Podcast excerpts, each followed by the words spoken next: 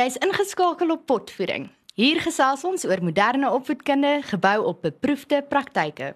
My naam is Charlotte Fourie en vandag gaan ons hoor dat daar wel 'n toekoms vir Afrikaanse onderwys is. In die ateljee vandag het ons vir Johan Kokemoer, ons gespreksleier. Johan is die hoof van onderrig en leer by die Solidariteit Skole Ondersteuningsentrum of die SOS soos ons dit ken. In die agtergrond sal jy ook so nou en dan vir amper Dr. Andrei Badenhorst hoor, ons gesprek se moderator. Andrei het jare se ondervinding in die IT-wêreld, maar kon die roep van die onderwys nie langer weerstaan nie. Johan gesels vandag met Leon Fourie, 'n voormalige ingenieur en projekbestuurder wie se pad in 2020 met die onderwys gekruis het. Leon is vandag die uitvoerende hoof van die SOS. Welkom Johan en Leon. Baie dankie Charlotte. Ehm um, voordat ons begin, ehm um, Charlotte het nou vir Leon bekend gestel as 'n voormalige ingenieur en ek ken letterlik net een voormalige ingenieur wat die onderwyssektor betree, een wat in die praktyk gestaan het. So Leon, dis die eerste ding wat ek ek dink die mense wil net eers dit van hulle skouers af kry. Ons wil net eers verstaan hoe hoekom het jy hier beland? Hoe het jy hier beland en en en eintlik wat wat wat kom doen jy hier in die onderwyssektor? Wel Johan, ja, baie dankie. Ek dink ehm um, Ek dink op 'n stadium in 'n mens se lewe dan kom jy op 'n punt wat jy ehm um, wat 'n uh, wat 'n roepingsgevoel hard sterker is as 'n uh, ehm um, kom ons sê nou maar om die om die leer in 'n korporatiewe omgewing te klim. Ehm um, en ek dink die enigste woord wat my opkom is 'n uh, ehm um, is ewigheidswaarde. Dit waarmee ons te doen het hier, ehm um, dit ewigheidswaarde wat 'n mens nie werklik in ehm um, mens mens kan dit kry in ander ander omgewings, maar vir my spesifiek was dit die uh, was dit die dryfveer om om die skuif te maak.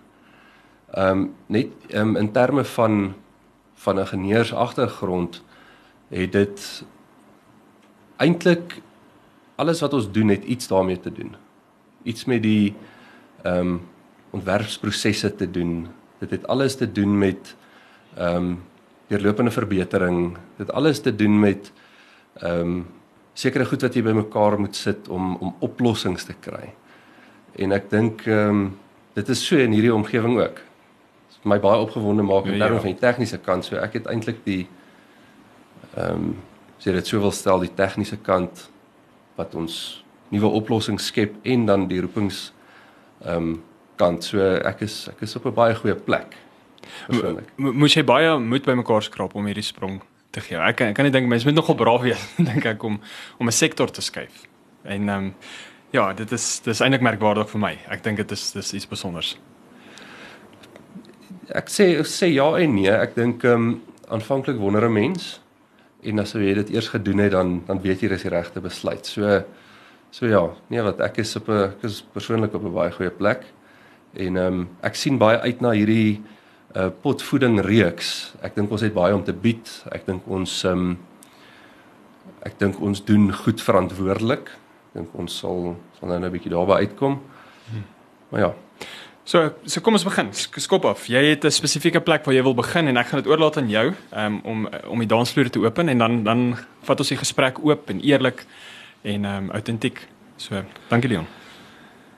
Ja, so ek dink ons grootste vraag en ek dink dis die grootste vraag vir Afrikaanse mense, Afrikaners of mense wat in die Afrikaanse taal en kultuurgemeenskap um lewe en werk. Um die vraag is is daar 'n toekoms vir Afrikaans, maar ook vir Afrikaanse onderwys. Ek dink as jy gaan kyk na um die toekoms vir Afrikaans begin dit by Afrikaanse onderwys. Hmm. So ons moet eers die vraag vra, is daar 'n toekoms vir Afrikaanse onderwys? Ehm um, en hoe lyk daai op toekoms en en het ons oplossings op die tafel daarvoor? So ek dink hierdie wat ons doen ehm um, sê 'n gedeelte van daardie oplossing. Nie ons het al die oplossings nie, maar ek dink ons het 'n baie goeie en 'n baie sterk oplossing vir die bestaande openbare skoolstelsel, maar dan ook 'n vernuwende en 'n nuwe skoolstelsel wat ons baie tyd en en hulpbronne aanspandeer. Ehm um, wat ons grootste fokus is. So so ja, om dit op te som, ek dink die vraag of daar 'n toekoms is, ons glo definitief daar is 'n toekoms en ons het en ons het oplossings daarvoor.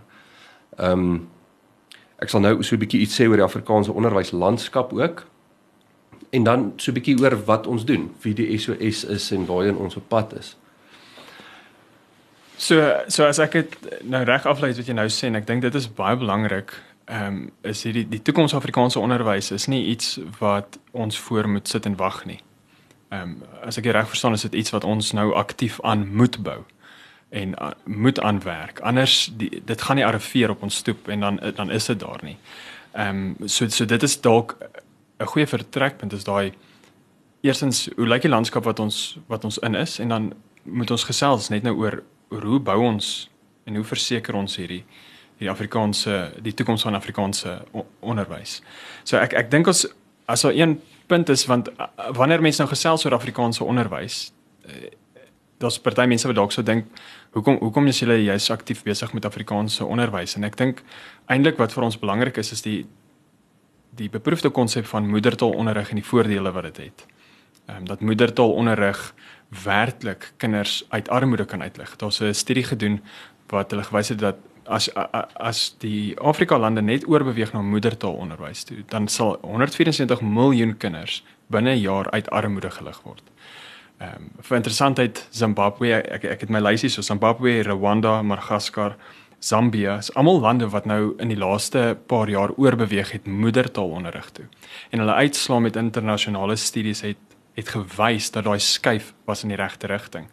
En dan baie keer is die argument ja, ons ons land is te divers, ons te veel tale, maar ek dink aan Nepal, Nepal het 126 verskillende tale. En hulle het nou die laaste ruk aktief besluit om te sê kom ons gaan en laat gemeenskappe die moedertaal van die gemeenskap identifiseer en dan skole daarvolgens bou. En ek dink dis ook hoekom ons so sterk fokus het rondom Afrikaans want dit is ons moedertaal. As jy wil kan krities dink en so meer, dan is die taal waarin jy dink is jou moedertaal en dis die taal waarmee jy dan kreatief wees ensovoorts. So wanneer ek dink aan aan Afrikaans dan dink ek primêr vir die onderwyssektor aan die voordele wat dit inhou vir 'n kind wat dit as sy moedertaal het en dat dit 'n taal van van onderrig is. So as jy wat wat is jou gedagtes rondom die idee van van moedertaal? Ehm um, ja, ek wil net begin by die voorbeeld van akademia um, wat jy nou genoem het dat ons nou al moet planne maak. Akademia is op hierdie stadium op 'n baie goeie plek in terme van groei. 15 jaar terug toe hulle begin het ehm um, het die beweging of 20 jaar terug het die beweging gesien dat daar 'n probleem gaan kom en akademia toe begin en hulle baie kritiek gekry rondom akademia en op hierdie stadium is baie Afrikaanse mense dankbaar vir akademia. Ja. As jy as jy vat al die instellings reg oor Suid-Afrika. Dit is baie positief vir akademia.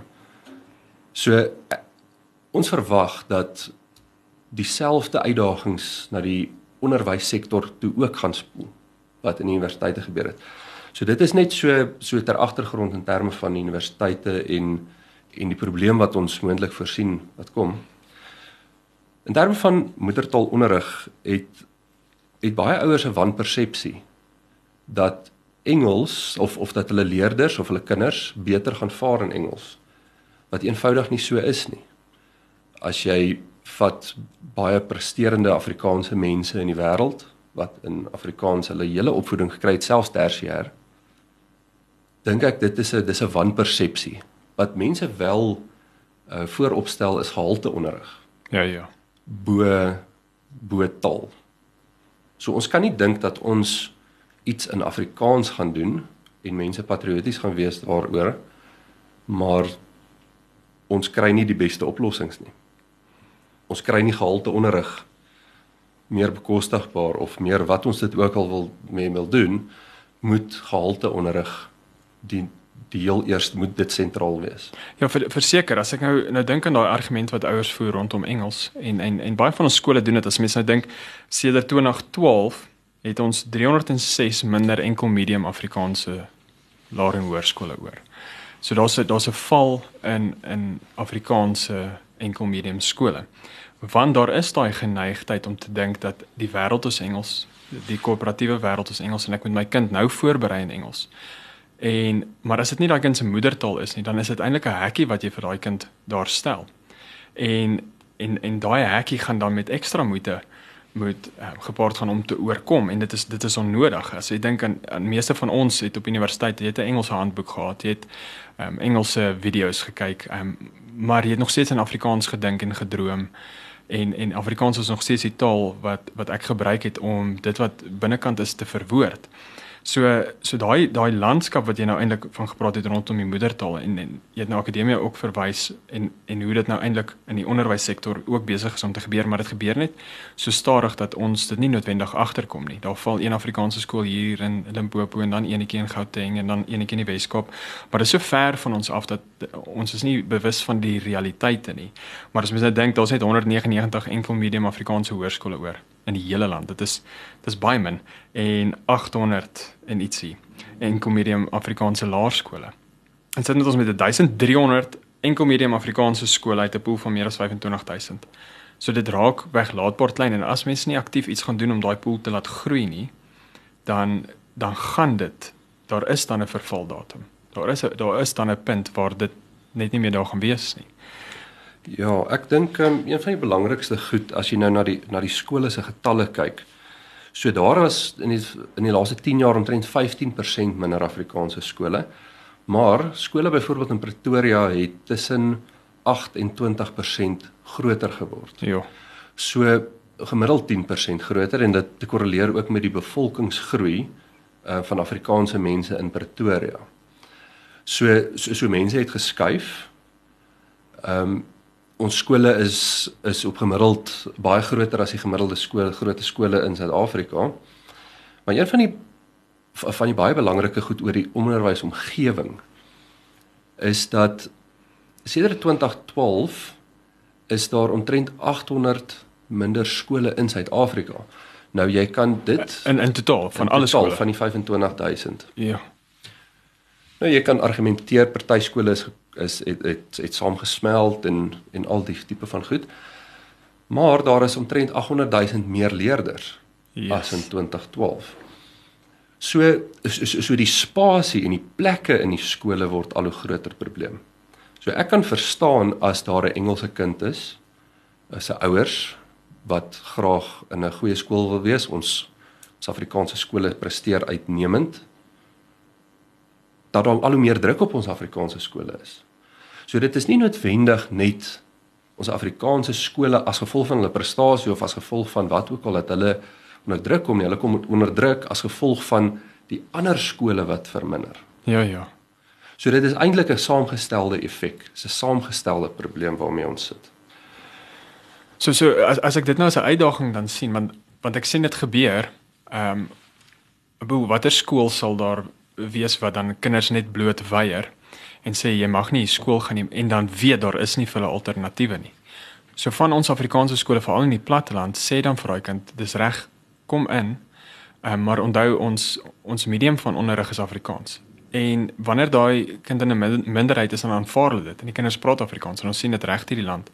Maar sodra daai minderheid groter word, dan is dit dit maak net sin dat daai minderheid sal wil hê hoorie maar ek soek ook toegang tot Engelse onderrig. Ideaal sal dit eintlik wees dat ek soek toegang tot onderrig in my moedertaal, maar tans volgens die grondwet is dit nie moontlik nie want ons het twee erkende akademiese tale.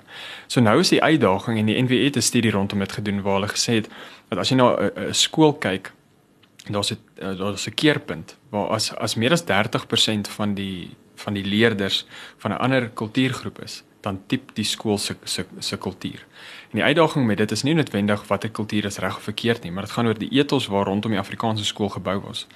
Die aannames wat daar was dat jy dalk 'n Christelike ingesteldheid, ehm um, jy doen seker goed vanuit 'n sekere lewens- en wêreldbeskouing. Daai aannames kan jy nie meer doen nie want dan gaan jy diskrimineer en dit gaan konflik binne die skool veroorsaak. En ons het baie sulke voorbeelde net in die laaste ruk in in die media gesien.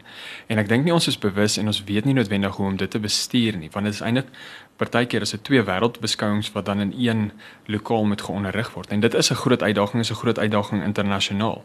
So dit is ook 'n groot rede hoekom ons enkel medium Afrikaanse skole dink ek wil beskerm, want ons wil nie net ook die taal beskerm nie, maar die kultuur en en en die ethos wat saam met dit gaan, wil ons beskerm want want dit is vir ons belangrik. en dit beteken nie omdat dit vir ons belangrik is dat die ander sin is nie belangrik nie. Ehm um, en en daai onderskeid moet mens tref want baie keer dink mense as jy vir iets veg dat jy teen iets anders veg en ek dink nie dit is wat ons wil doen nie. Wat ons wil doen is die ideaal sou wees is dat ons 'n voorbeeld kan wees vir enige ander gemeenskap om te sê kom ons bou 'n gemeenskapskool en ons maak moedertaal onderrig toeganklik vir ons gemeenskappe. Maar dit kan ons net doen deur deur voor, voorbeelde, maar wat wat s'ie ander groot uitdagings wat jy dan sien eh, binne in hierdie landskap. Ons ons sien nou die die getalle verminder van getal skole, maar die hoeveelheid leerders neem toe. Ehm um, ons het wetgewing wat ook waar, waarby jy meer betrokke is wat wat aktief teen Afrikaanse onderrig regeer. As as jy net bietjie daai uitdagings kan uitpak so sodat mense 'n groter prentjie het oor hoekom dit vir ons so 'n belangrike saak is. Ja, as ons as ons gaan kyk na die wetgewing, die eenvoudige draai van die wetgewing in die laaste 10 jaar het ehm um, het die staat die vermoë gegee om al hoe groter spronge te neem in terme van stelsels en beheer ehm um, met met met al hoe minder skuwe in die wetgewing. So jy sou byvoorbeeld 10 jaar terug gekry het dat ehm um, indien die staat 'n skool wil vir, vir Engels is daar 'n baie sterk regshoek of kom ek sê 'n regsposisie wat jy kan inneem.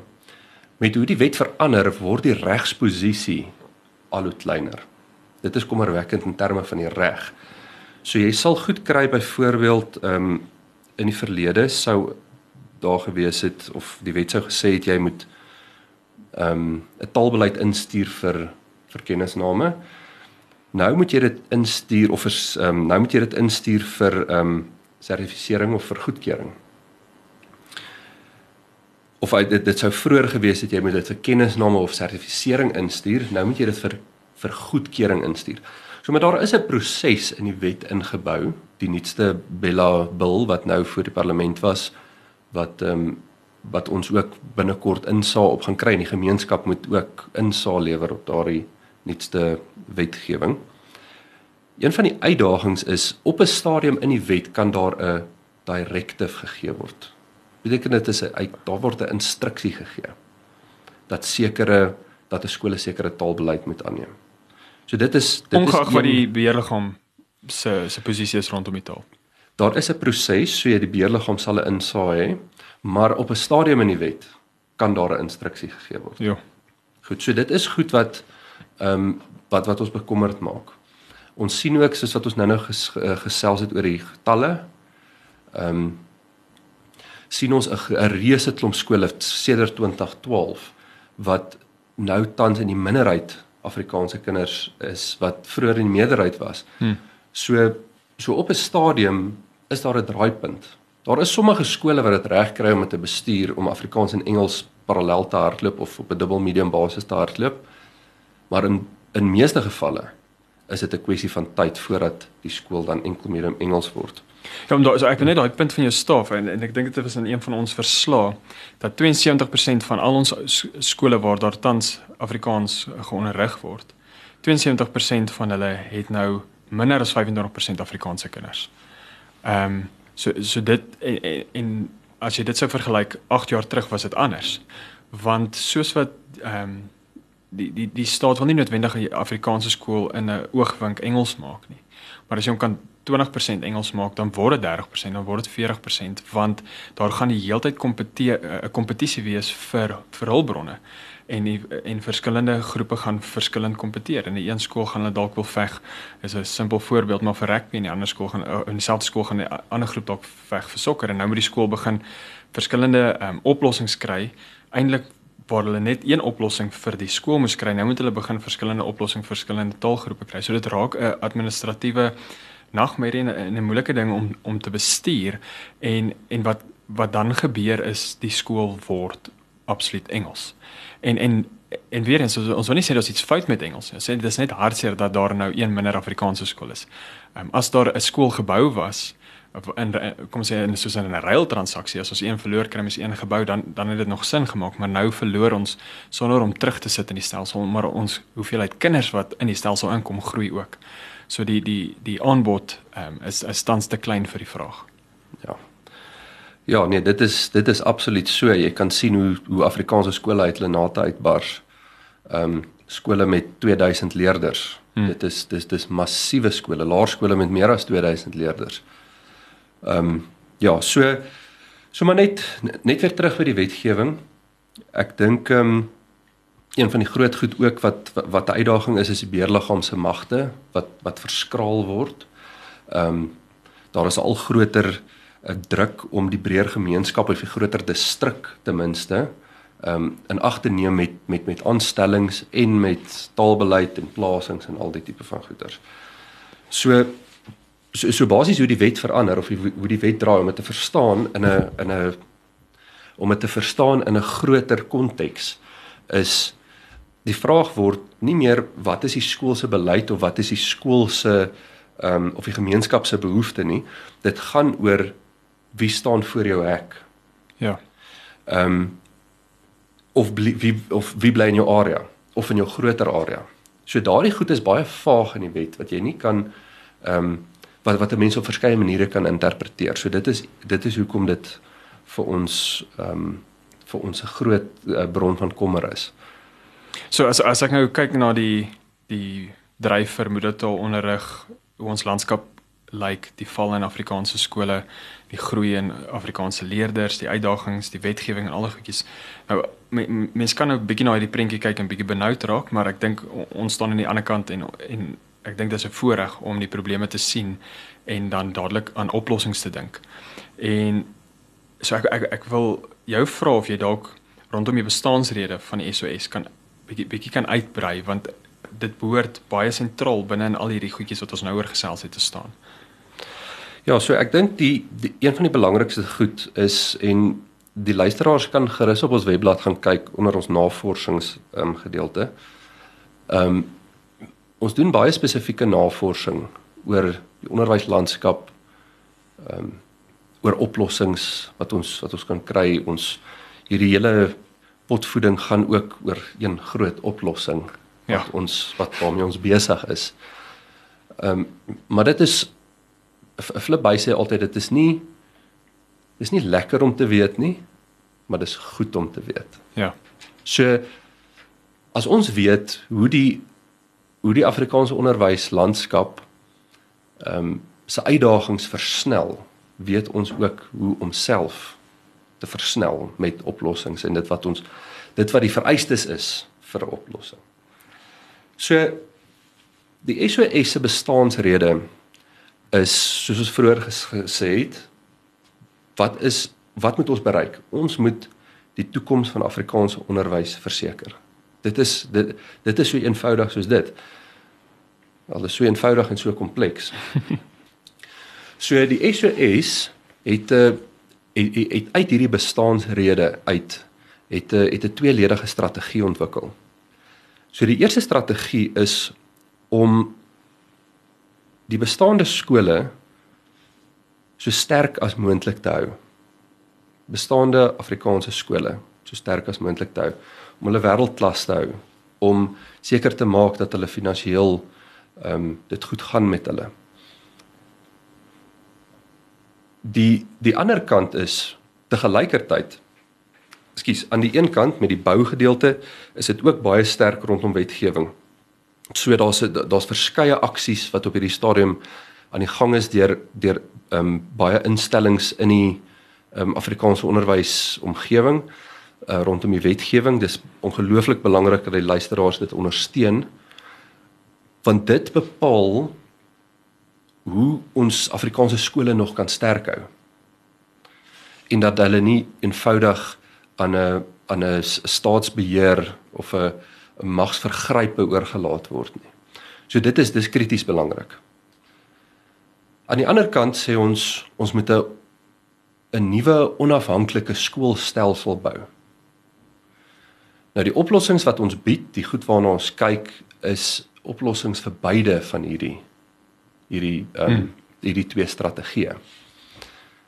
So so so dit is die die bou die behou strategie en en en daar kyk ons na die ehm uh, reeds bestaande skole, ons hou hulle sterk, ons doen dit met deur middel van opleiding, ehm um, verskillende ander ander hulpbronne en so meer en dan ons die die boustrategie. Nou ek moet hierdie vraag vra want ek weet iemand gaan dit vra.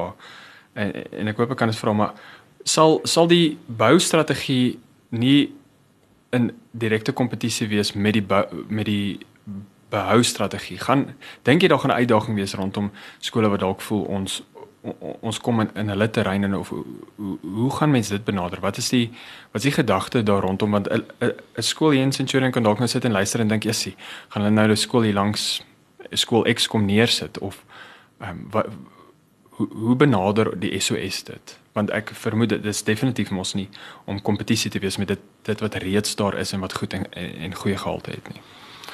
Goed, so ek dink die die die heel eerste vertrekpunt is dat ons doen baie navorsing rondom die omgewing.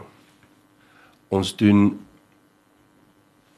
ons maak seker dat die die groei in die omgewing regverdig regverdig sekere ehm um, sekere uitbreiding. So ons sal nie eenvoudig net gaan in 'n skool bou nie. Ja, okay.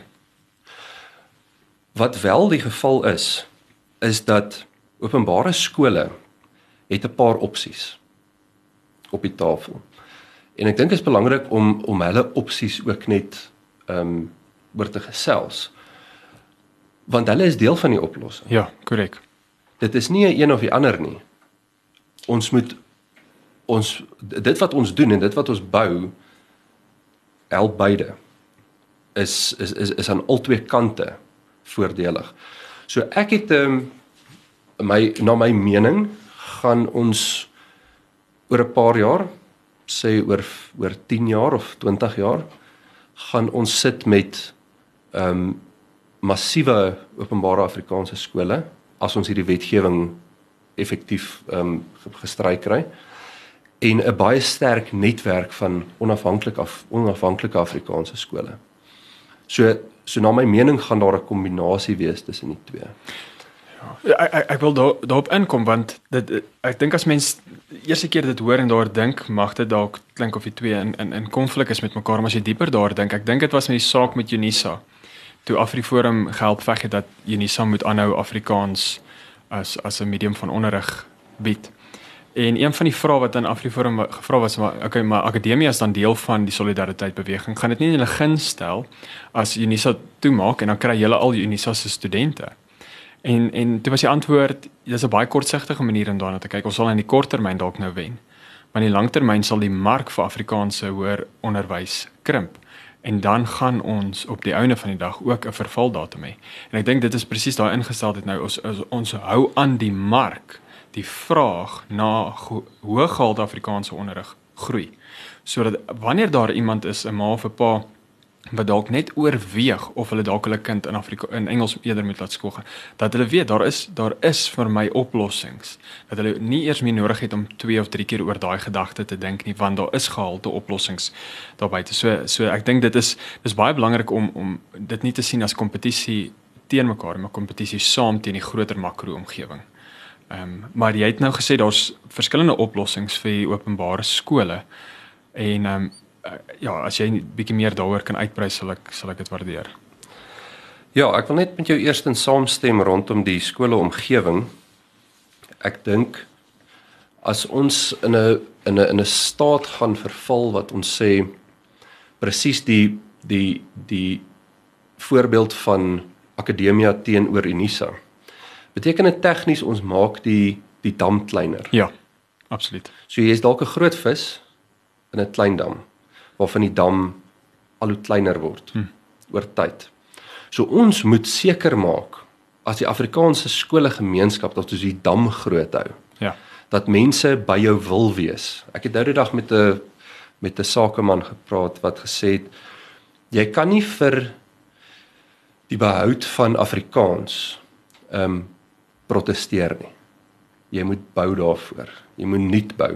Ja. Jy moet mense moet by jou wil wees dit is die voorwaarde vir die voortbestaan van Afrikaans maar, en Afrikaanse skole. Maar daai is dit is eintlik baie mooi gesê want ek ek dink nie dit is 'n ingesteldheid waaraan ons gewoond is nie. Dis eintlik 'n nuwe tipe van 'n kultuurskuif wat ons voorgangers gedoen het. As jy dink ek dink is RAI was was gebou deur deur ons mense. Ehm um, baie van ons skole, ons kerke, al ons instellings was in 'n tyd toe ons Afrikaans regtig wou vestig, as jy dink in die 1910s ensovoorts, ehm um, het ons gebou in plaas van om te proteseer. En dis 'n dis 'n baie baie mooi manier om te sê want op die internet is ons is ons baie ehm um, is 'n vokaal Afrikaanse woord.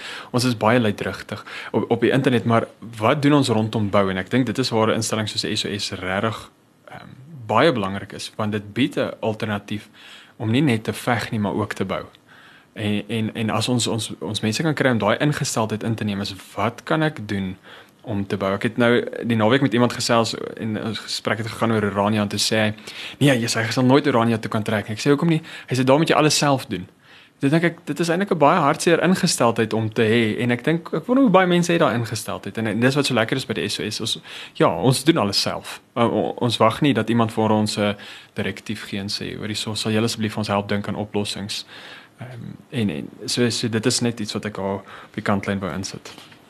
So die die oplossings vir ja. openbare skole Leon um, ja so uh, um, ek dink as ons na twee gedeeltes kyk na die bou gedeelte En dan sal ons nou-nou iets sê oor die bou gedeelte, die nuwe onafhanklike stelsel. Ehm um, die die die bou gedeelte het het baie sterk komponente ook in van die nuwe stelsel. Ehm um, dit wat ons nuut bou is is net so van toepassing op die op die bestaande skoolstelsel. Ehm um, in terme van verbetering of verryking of vernuwende onderrigmodelle en stelsels wat gebruik kan word. Ehm So ek dink daar is 4 oplossings of 4 moontlike opsies vir openbare skole. Ek gaan hulle vinnig noem en dan net iets sê oor elkeen.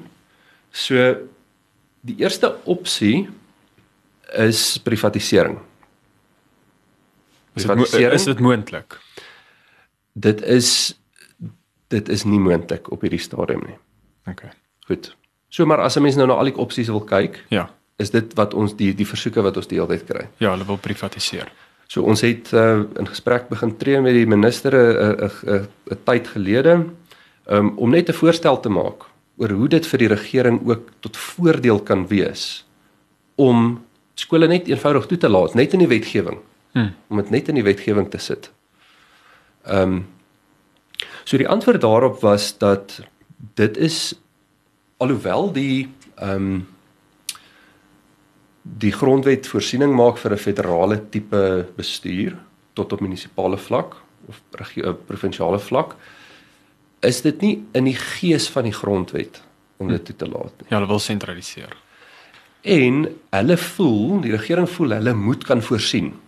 Dit is hulle taak. Hmm. Hulle moet kan voorsien. So as hulle van hierdie ehm um, eiendomme ontslaa raak of privatiseer dit laat privatiseer, dan faal hulle tegnies in hulle werk wat jy seker van hulle kant af kan verstaan, maar die die die praktiese uitvoering daarvan kan almal weet almal hoe gebrekkig die stelsel is. Hmm. Goed, so die ander uitdaging is ook dat ehm um, skole onder die departement van openbare werke val en nie die oor die departement van onderwys nie. So so die fisiese gebou en terrein val onder 'n ander departement val, as die ja, dis korrek. Dit val onder 'n ander departement. So So daar okay. is regeringsdepartemente wat ook gaan moet saamwerk. So dit verhoog die kompleksiteit ja ja om om so iets reg te kry. So maar op hierdie stadium ehm um, is dit nie 'n opsie nie. Of dit is nie dis nie nou moontlik nie. Maar dit beteken nie dit sal nooit moontlik wees nie. Dis net nie nou. Dit beteken dit sal nooit moontlik wees nie. Dit dit kan dalk op 'n stadium moontlik raak. Ehm um, maar nie op die stadium nie. Okay. Die volgende die volgende opsie is om 'n onafhanklike been, ehm um, sê 'n onafhanklike skool of 'n onafhanklike aanlyn skool saam met jou skool te laat funksioneer. Daar is baie skole met groot ehm um, onafhanklike trusts. Net so iets daar rondom. So die SOS het 'n het het 'n gids vir selfstandige fondsbestuur ontwikkel. Nou om 'n onafhanklike skool of onafhanklike been te te, te vestig, ehm um, het jy twee baie baie groot komponente nodig. Jy het 'n ehm um, jy het 'n baie groot gemeenskap komponent van gemeenskapskapitaal nodig, maar jy het ook nodig om jou onderrigkapasiteit te optimaliseer. Hmm. So dit is die die die twee sterk bene waarop dit rus. As jy kyk na die koste om 'n skool of 'n onafhanklike skool op te rig, 'n laerskool is in die rigting van 90 miljoen rand sonder die grond wat jy dan moet aankoop. Om grond te, rondom grond te onderhandel is daar verskeie moontlikhede. Maar ja, so dit is omtrent 90 miljoen rand en dan 'n hoërskool is omtrent 140 miljoen rand om 'n om 'n redelike groot skool op te rig. Nou in terme van onderrig, onderrigkoste of deurlopende operasionele koste is omtrent 70% van 'n skool se begroting gaan aan gaan aan salarisse. Ja. So so dis die twee grootste komponente waarna 'n mens moet kyk. So selfstandige fondsbestuur is is definitief 'n 'n baie belangrike komponent vir openbare skole. Ehm um, ons sê jy kan eerder kyk na 'n gemeenskaps 'n skoolgemeenskapstrust hmm. in plaas van 'n skooltrust. Daar's 'n baie daar's 'n tegniese verskil maar 'n baie belangrike verskil. So jy kan eerder 'n gemeenskoolgemeenskapstrust opstel met die skool as 'n begunstigde maar dan het die gemeenskap of die skoolgemeenskap het dan beheer oor die fondse. So met ander woorde die staat kan nie kan nie daai fondse raak nie. Dis korrek. Met 'n skool se in indien 'n beheerliggaam die die skooltrust skep, dan ehm um, dan moet dit verklaar word aan die okay. aan in die skoolrekening. Goed, ehm um, 'n volgende volgende opsie is om eenvoudig maar net die die status quo te behou dit is die dis die maklikste opsie, maar daar's geen versekerings daarin nie. Hmm. So wat fisies daar moet gebeur is jy het ongelooflike sterk leierskap nodig in die skool. Baie goeie verhoudinge nodig met die departement, jy het 'n goed gunstige departement nodig en jy moet hoop op 'n vermindering van druk oor tyd wat hmm. ons nie op hierdie stadium voorsien nie. Voorsien ja. of verwag nie. En dan 'n reaktiewe tipe deelname aan aan ehm um, regsaake. Goed, dan is daar 'n vierde opsie wat die middeweg is. Goed. Hierdie opsie sê sê ons is soos wat die staat verswak oor tyd, maar 'n skool homself kan versterk deur selfstandige fondsbestuur, die optimalisering van onderrigkapasiteit, behoort ons op 'n stadium by 'n punt te kom om te kan sê, goed, ons kan onderhandel oor sekere goed.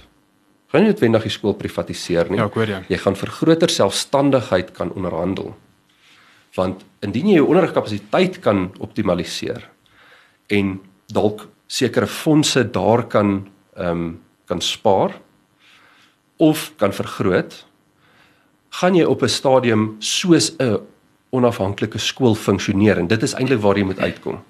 Jy moet kan funksioneer soos 'n onafhanklike skool met reservefonds en dan sal jy in 'n posisie wees om te onderhandel. Die die grootste een van die grootste voorwaardes hier is ook dat ons moet ehm um, hierdie skole moet proaktief deelneem aan aan regsaake of gemeenskapsake. So in in kort is dit die die vier opsies van die ehm um, van die boukomponent of van die van die behou komponent. Ehm um, jy het nou nou genoem Leon van hierdie onderrigkapasiteit te optimaliseer en jy het ook bietjie vroeër het jy gepraat van vernuwende onderwys en so aan waarvan praat jy presies as jy praat van vernuwende onderwys? Goed, so ek dink ehm um, as ons net die proses kan volg. Die SOS is al lankal besig met nuwe onderrigmodelle. So ons het al vir baie jare kyk die SOS en ons doen opleiding ook daarin wat 'n baie belangrike komponent is van wat SOS is en doen. Het ons gekyk na 'n omgekeerde klaskamermodel. So omgekeerde klaskamermodel het het baie voordele. Ons het byvoorbeeld gegaan en ehm um, selfie toetse gaan doen en op een van die toetse wat ons vir 6 maande gedoen het, het ons gevind dat ons tot 50% van onderwysers se kapasiteit kan spaar deur deur omgekeerde klaskamermodel. Die al die leerders het deur die bank um, beter presteer. Dit is nie noodwendig die uitkoms gewees nie. Dit was 'n definitiewe voordeel gewees. Ehm um, maar die maar die groot ding was ons kon eenvoudig ehm um, ons kon met 'n eenvoudige model 50% kapasiteit spaar. Nou ek sê nie dit gaan met almal gebeur nie, maar dit is dis wat moontlik is. Nou wat kan jy doen met daai kapasiteit? So jy kan besluit om vir onderwysers meer vrye tyd te gee. Onderwysers kan daai tyd gebruik om dieper leer met kinders te doen of daai onderwysers kan effektief meer leerders hanteer sonder om hulle laste vergroot. So dit is die tipe goed waarna ons kyk, hierdie tipe onderrigmodelle. Nou, ons het verder gegaan en dit is waar ehm um, waar Johan inkom. Ehm um, net vir die luisteraars, hy het hy hy's ook 'n gekwalifiseerde ingenieur en hy's ook nou besig met sy ehm um, MBA en hy het ook 'n meestersgraad in in in in opvoedkunde. Dit klink fancy. nou ehm um, wat my opdrag verlede jaar aan Johan was of of hoe de, hoe ons gesprekke geloop het en dit is vir my belangrik dat die luisteraars die proses verstaan wat ons deurgegaan het. So ons het heel eers die die vraag gevra. Nie hoe kan ons onderrigkapasiteit vergroot of bekostigbare skole hê of niks nie. Wat is die grootste vraag? Wat wil ouers hê? Ouers wil gehalte onderrig hê. Die eerste vraag was wat is die beste model wat daar bestaan in die hele wêreld rondom onderrig en leer? Ja, en daai was dit was 'n baie lekker opdrag wat aan my gegee was en dan later het ek toe saam met Charlotte en Andre 'n bietjie klippe gekou. Ehm um, maar ek kan duidelik onthou die eerste keer wat ek vir jou gebring het rondom Finland, Singapore, Japan. En en en ons soek die gemeene delers binne hierdie modelle want almal praat van Finland. Vir interessantheid 2011 het Finland 8ste in die wêreld gestaan, 2019 staan hulle al 14de. So dis nie noodwendig die die model wat ons almal moet volg nie, maar dit is 'n lekker grondwoord. Maar in elk geval, toe gaan soek ons hierdie gemeene deler in hierdie model en en die hele tyd probeer mense jy sê probeer innoverend dink en probeer ehm um, hoogs tegnologies gevorderd dink ensovoorts. En en die gemeene deler was eintlik was eintlik hier voor ons. Die gemeene deler was ehm um, geroepe, bekwame opvoeders wat sentraal staan tot onderrig en leer. In al drie daai gemeenskappe word die opvoeders geëer. Die beroep is adel. Ehm um, die gesag wat hulle het rondom die autonomie van hulle tyd. Hulle kundigheid, dit wat hulle dit wat hulle tafel toe bring word aanvaar. Hulle is in absolute bestuur en beheer van die onderrig en leer binne in hulle klaskamers. In Japan is van die klasse tot 60 kinders in 'n klas en Finland sit maar in die 20 en ons probeer dit dupliseer en ons dink dis die uitset. Die ehm um, mense sê altyd ehm um, uh correlation does not imply causation. Met ander woorde, die feit dat dit gekorreleer het dat daar klein klasse in Finland is, beteken nie dit was die klein klasse se skuld dat hulle presteer het nie. Ehm um, so on, ons het in in Suid-Afrika so baie skole wat daai model probeer volg en dink is klein klein klasse. Maar sien nie saam met klein klasse vir die op, opvoeder autonomie gee om sy professionele posisie binne die onderrig en leer in te neem nie. En jy bemagtig en ondersteun daai opvoeder nie tot die beste van jou vermoë nie. Dan kan jy enige model neersit, dit gaan nie werk nie. Ons het nou gekyk, daar's eers daar's 'n reeks modelle wat daar geïmplementeer is. Ons het so 'n paar jaar terug het ons ehm um, met die matriekverslag was daar twee Wenda skole wat die hele tyd in die top 10 geëindig het. Ek ek ek sukkel altyd my naam uit te spreek en dit is my skuld. Dis dis dis sleg van my, maar toe het ons gaan ondersoek en stel hoe hoe, hoe beland hulle in in die top 10. En toe ons daar gekom het is dit 'n tipiese kwintaal 3 skool. Daar's nie gras nie, daar's nie 'n rugbyveld nie, maar die hoof gee self klas. En in die hoof se klas sit daar jong onderwysers vir wie hy dan mentor. Hy gee tot op Saterdag klas. Hy is aktief betrokke by die onderrig en leer van die skool en hy lei deur voorbeeld. En en en daai ek bedoel as dit as dit diep in Limpopo in die Wende gemeenskap kan gebeur, kan dit enige plek gebeur. Maar wat jy nodig het is om daai autonomie binne die ehm um, onderwysers se hande te sit en sê jy is nou weer verantwoordbaar vir jou roeping. So alles wat jy doen, moet jy jouself die hele tyd vra, is dit opvoedkundig verdedigbaar? Waar ons vra nou die vraag, is dit 'n departementele vereiste?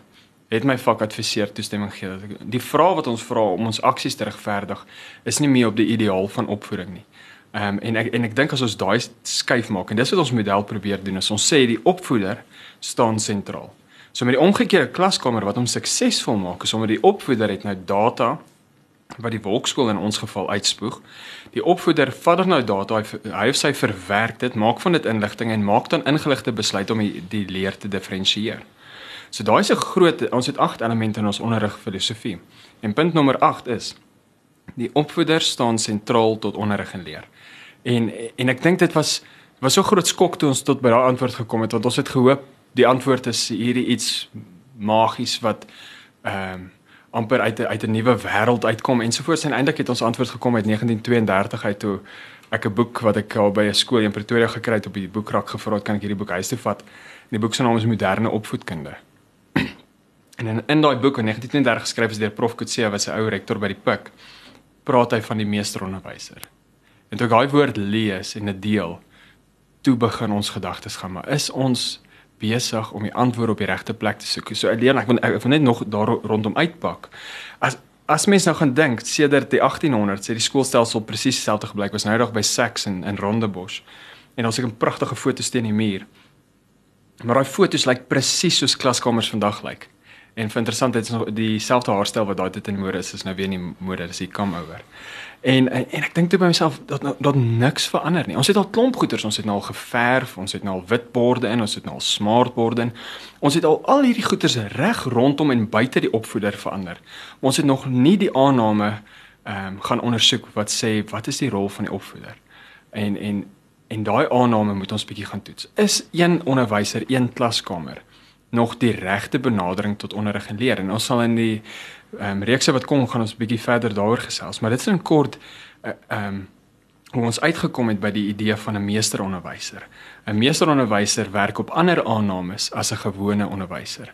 Ehm um, die aannames vir 'n meesteronderwyser is hy's ten eerste 'n pedagoog en dan 'n vakkundige. Um, so dit dit is eintlik 'n herverpakking van beproefde praktyke. Ons het dit gevat wat in die verlede gewerk het wat die waardes gevestig het in ons kinders en ons het gaan herverpak sodat dit nie net die waardes vestig wat ons nodig het in ons skole nie, maar ook die vaardighede wat nodig is vir 'n toenemende veranderende wêreld. En en en dit was in kort 'n proses wat ons gevolg het net net hoe ons verantwoordbaar daarmee omgegaan het is wanneer ons ons het gepraat van begrond. So met ander woorde, elke keer wanneer ons 'n stelling daar buite sit, dan moet ons dit begrond. En daar's verskeie maniere wat ons dit begrond het. Die een manier was gewone akademiese literatuur en dan het jy 'n verwysings gemaak na die skrywers van die literatuur. Die ander manier was met ehm um, gesprekke met kundiges en en en COVID het eintlik vir ons daai daai uh, grense oopgebreek want vir die eerste keer kan jy op Twitter gaan en jy kontak 'n prof in in in in Engeland en jy vra vir hom hoe ek wil graag ek sien jy's 'n kundige op hierdie gebied. Ek wil graag met jou gesels hier oor hier's ons gedagtes. Sal jy asseblief ons gedagtes kritiseer? En dan het ons na hom geluister sy insette gevat teruggebring tafel toe en dit verwerk en dan ook so ons dokument uitgepak om seker te maak elke stelling wat ons daar binne het is nie iets wat ons net opgegorrel het om 'n 'n taak wat vir ons gegee is af te lewer nie. Dit was regtig elke stelling moet ons voor verantwoordbaar gehou kan word en ons moet dit gaan kan opvoedkundig verdedig. So dit is in kort die die ja. Hoe ons jou jou, jou mandaat ons verantwoord het. Yes, aan die van die kant af. Uh so jy het gepraat van diferensieer. Ons het nou 'n ouer uh, gehoor hierso. Dis al 'n uh, onderwys jargon. So kan jy dit miskien net 'n bietjie uitpak? So so in terme van die die data hoe ons met die data diferensieer. So ehm um, een baie goeie analogie wat ek gehoor het het een van my kollegas gesê dat tans wat die skoolstelsel doen is hy plak op almal se vingers 'n pleister want een van die kinders se vingers is seer. Maar nou moet almal dieselfde oplossing kry want een van die kinders se vingers is seer. Maar van die kinders se knie stikkend, van hulle se ore stikkend ehm um, van hulle te kneusplek op op hulle wang of wat ook al die geval mag wees maar nou kan ons ons mag nie diferensieer nie want by diferensieer impliseer jy dadelik 'n tipe van 'n diskriminasie. Jy sê daar is 'n verskil tussen mense en dis een van die aannames waarmee ons vertrek is ons sê elke mens is uniek en het 'n persoonlike doel hier op aarde en het sy of haar eie potensiaal. So by vanuit ons geloofsposisie het, het die skrif klaar vir ons gedifferensieer dat elke mens is uniek. So so daai daai is net 'n begronding vir hoekom ons diferensieer. So hoe werk dit in 'n klaskamer? Wanneer jy byvoorbeeld um, met die omgekeerde klaskamer um, op 'n maandag voorbereiding doen vir Dinsdag, dan ehm um, via die volkskool kry die opvoeder dan dadelik die data, weet presies watter vrae het watter kinders hoe geantwoord en watter konsepte die kinders mee gestruikel. En dan kan daardie opvoeder proaktief voorberei vir 'n les met data. Maar wat nou gebeur is, die kinders doen huiswerk, die kind kom in die klas in, dan moet die onderwyser reaktief sy of haar les benader. Want nou vind hulle in die klas uit oog gehad se kinders verstaan nie, maar nou weet jy dit voor die tyd. So nou diferensieer ons En ons kan jy kan vier groepe maak, 'n blou groep, 'n groen groep, 'n rooi groep en 'n geel groep. En en elkeen van hierdie groepe het jy verskillende ehm um, probleemareas geïdentifiseer, want jou assessering was tipies diagnosties opgestel, so jy jy het spesifiek gaan soek vir miskonsepsies of of of so iets. En dan by elkeen van daai groepe het jy 'n spesifieke benadering hoe om daardie miskonsepsies aan te spreek. So nou Jannie wat 'n kneusplek op sy wang het, kry behandeling vir sy kneusplek op sy wang, maar Sannie wie se vinger is seer kry 'n pleister op 'n vinger. En en dis hoekom ons moet diferensieer want die wat diferensiering doen is dit rek die kapasiteit van die opvoeder want nou hoef sy nie meer almal te bedien met alles nie. Sy kan almal bedien met wat nodig is. So haar eie energieverbruik ehm um, daal maar haar inset wat sy wat sy nodig het om te gee, dit neem toe. Maar tydens die les het sy nie meer nodig om reaktief klas te gee nie. Ehm um, ja Johan, as ek dalk net kan uh dit ook net op op op 'n eenvoudige manier verduidelik ehm um, hoe ek dit verstaan is dat die basiese blou uh, die basiese boublokke van leer ehm um, onthou en verstaan kan ons in in in, in kort video's ja. vir leerders gee. Hulle kan 'n kort assessering doen en sodra daardie kind in die kind in die klas inloop, ehm um, begin jy nie begin die onderwyser nie op 0 nie. Hulle begin op vlak 2, 3 of 4. Ja.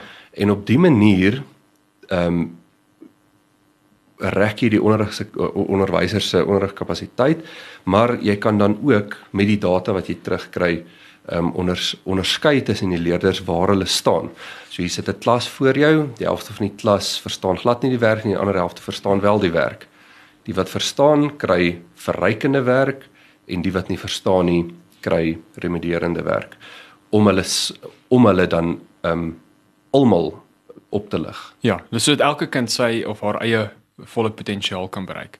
En dit kan jy net doen as jy ingelig is, maar maar voor die tyd ingelig is, nie na die tyd nie, want nou skryf jy eindeksamen en dan laat weer die eindeksamen eintlik maar vir jou hoorie so jy het hierdie hierdie jaar eintlik baie min verstaan.